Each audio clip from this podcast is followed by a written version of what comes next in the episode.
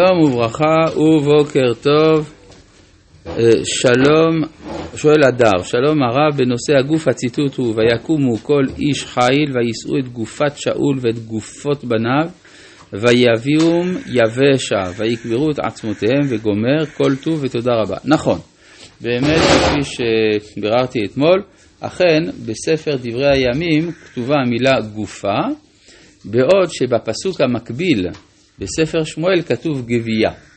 אז בספר דעת מקרא העירו שהמילה גופה הייתה חדשה בימי בית שני, ולכן הובאה בדברי הימים, ואילו הביטוי הקדום יותר היה גבייה. אה, כנראה השפעה של הארמית. שואל אסף, שלום לרב, מדוע ישנו הכרח שיש קשר בין המעשים המוסריים לביולוגיים? האם אין זה אין זה כך למשל שאם אדם אינו שומר על בריאותו, לא בהכרח מדובר בחטא מוסרי. האם עולם אינו נוהג כמנהגו? תודה. נכון, זה באמת כך שלא תמיד יש קשר בין המוסר לביולוגיה, וזהו הסבל. בגלל שאם אנחנו מניחים שהבריאה כולה היא תולדה של אקט מוסרי, דהיינו הרצון של הבורא, ממילא זה אומר שהנוסחה שהייתה צריכה לשלוט בכל המציאות היא הנוסחה המוסרית. וזה שתפוחים נופלים מן העץ, לא משנה אם הם נופלים על ראשו של צדיק או על ראשו של רשע, או שקליפת בננה, כשמחליקים עליה, שוברים את הרגל, בין שמדובר בצדיק בין שמדובר ברשע. הדבר הזה הוא דבר לא תקין, ולכן בגמרא במסכת נדרים נאמר ש... לעתיד לבוא, כשחמה יוצאת מן ארתיקה, צדיקים מתרפאים. מה זה מתרפאים? סימן שהצדיקים חולים? יש צדיקים בריאים, אלא הכוונה שהם מתרפאים מן המחלה המוסרית שלהם, שהם חיים לפי ערכי המוסר, אבל המציאות פועלת לפי הגורל. מה שלא ראוי שיהיה, היה ראוי שקליפת הבננה תבחין בין צדיק לרשע. וה... צרעת היא אחד המקומות שבהם אנחנו רואים, לשמחתנו, את החיבור בין, הביול, בין הביולוגיה למוסר, ובוודאי שבמדבר החיבור בין שני המוקדים האלה היה מושלם. רק במהלך ההיסטוריה יש איזה מין אה, הסתרה של היסוד המוסרי מאחורי הסדר הסיבתי. הרב קוק בספר אורות, ישראל ותחייתו פסקה ב', מעריך בזה לומר שעצם ההעלמה של הסדר המוסרי מאחורי הסדר הסיבתי, זאת היא חידה נעלמה. כן. טוב, אה, אנחנו ממשיכים בפרק י"ג, בפסוק י"ג. וראה הכהן, התחלנו את זה, וראה הכהן והנה כיסתה הצרעת את כל בשרו, וטיהר את הנגע, כולו הפך לבן, טהור הוא. אז כפי שהסברנו אתמול, כן, זה היסוד של דברי הגמרא, שאין בן דוד בא אלא בדור שכולו חייב, או בדור שכולו זכאי, בדור שכולו חייב, שנאמר, כולו הפך לבן טהור הוא. והדבר הזה הוא תמוה, וכי יכול להיות שסימן הטומאה המובהק כשהוא מתפשט על כל גופו של האדם יהפוך להיות סימן טהרה. אלא שיש להבחין באדם בשתי שכבות של מציאות. יש השכבה הסגולית, הפנימית, והשכבה הבכירית החיצונית. בישראל הסגולה היא תמיד טהורה, אבל אנחנו לא דנים לפי הסגולה, אלא לפי הבחירה. בבחירה יש חלק מן המעשים של האדם שהם מעשים טובים, חלקם מעשים רעים. מה ש... הביטוי הביולוגי לזה שאדם עושה מעשים טובים זה החלק הבריא של האור. והמעשים הרעים באים לידי ביטוי בחלק הנגוע של האור. אבל זה נכון כל זמן שאנחנו יכולים לשפוט על פי החיצוניות.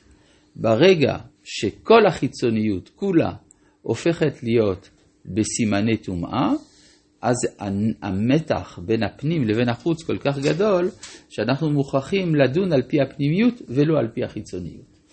וזה כפי שאמר בזמנו הרב קוק לרב הלל צייטלין, ששאל אותו על אה, היחס החיובי שלו לאנשים עוברי עבירות שבונים את ארץ ישראל, איך זה יכול להיות?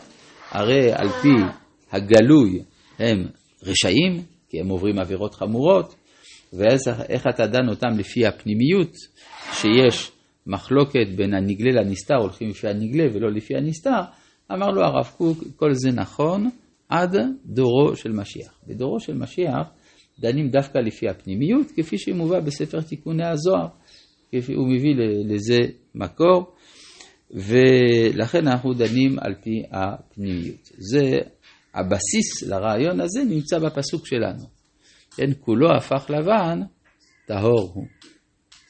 וביום ממילא, אחר כך באים החשבונות של מידת הדין, וכי דור, ש, אה, דור ש, של גאולה, הרי גאולה לא תלויה בתשובה. אז מה, אז כל העבירות זהו?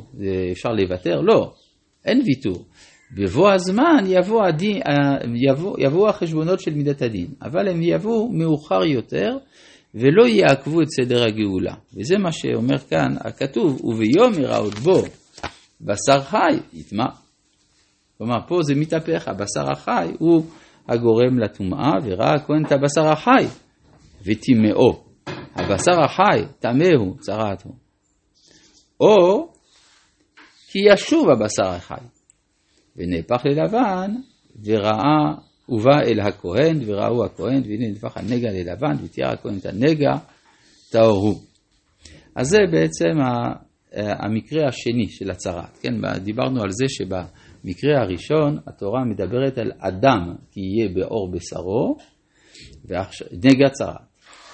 ואילו במקרה השני, בצרת נושנת, נגע צרת כי יהיה באדם.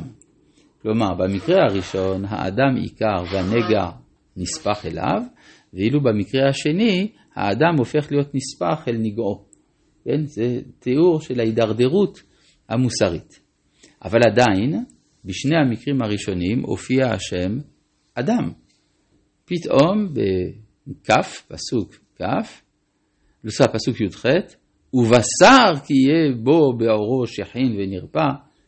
זאת אומרת, כבר לא מדובר על אדם ולא על נגע, מדובר על בשר. כן? כלומר, האדם הופך מסובייקט, מאישיות, לאובייקט, לישות, שנידונה בתור חבילה של בשר. אפשר להגיד על האדם שהוא חבילה של בשר. זה אמנם לא לגמרי מדויק, האדם הוא גם אישיות, אבל אחרי ההידרדרות, אז האדם הופך להיות אה, בשר. ובשר תהיה באור בשר, בו באורו שכין ונרפא, והיה במקום השכין שאת לבנה ובארת לבנה דם דמת, ונראה אל הכהן. עכשיו שוב אנחנו רואים לגבי הצבע, משהו השתנה כאן. בשני המקרים הראשונים הצבע של הנגע הוא הלבן. לבן, למרות שזה נגע טמא, אבל זה מציין טהרה, לפחות טהרה פוטנציאלית. וכאן יש סט לבנה, או בהרת לבנה אדמדמת. יש כבר התחלה של הופעה של מידת הדין על האדם הזה. מידת הדין מתוחה עליו. אדום מציין את צבע מידת הדין. וראה הכהן, והנה מראה שפל מן הערה הפך לבן, וטימו הכהן נגע צרת היא, בשכין פרחה. מה זה שכין?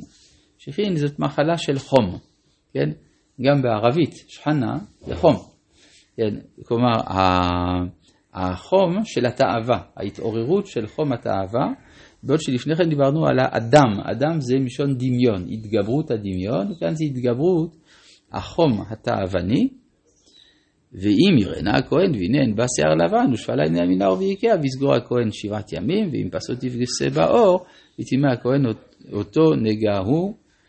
ואם תחתיה תעמוד הברת לא פסעת צרף את השכיני וטיהרו הכהן. זה אם כן בדיוק בסגנון של אה, הנגעים הקודמים ואז יש לנו עוד אפשרות רביעית או בשר, זה לכאורה אותו דבר אבל אנחנו נראה פה שיש איזו התהפכות של הסדר. כי יהיה באורו מחוות אש והייתה מחיית המחווה בהרת לבנה אדמדמת או לבנה. כאן, בעוד שבקודם היה לבן או לבנה אדמדמת, פה זה התהפך. מידת הדין היא האופציה הראשונה. יש כאן, אם כן, מידת הדין מתוחה יותר על האדם הזה, וראה אותה הכהן, והנה נפח שיער הלבן בבארת, מראה עמוק מן האור, צרעת היא, ויהיה פרחה אותו הכהן, נגע צרעת היא. רבי חנניה בן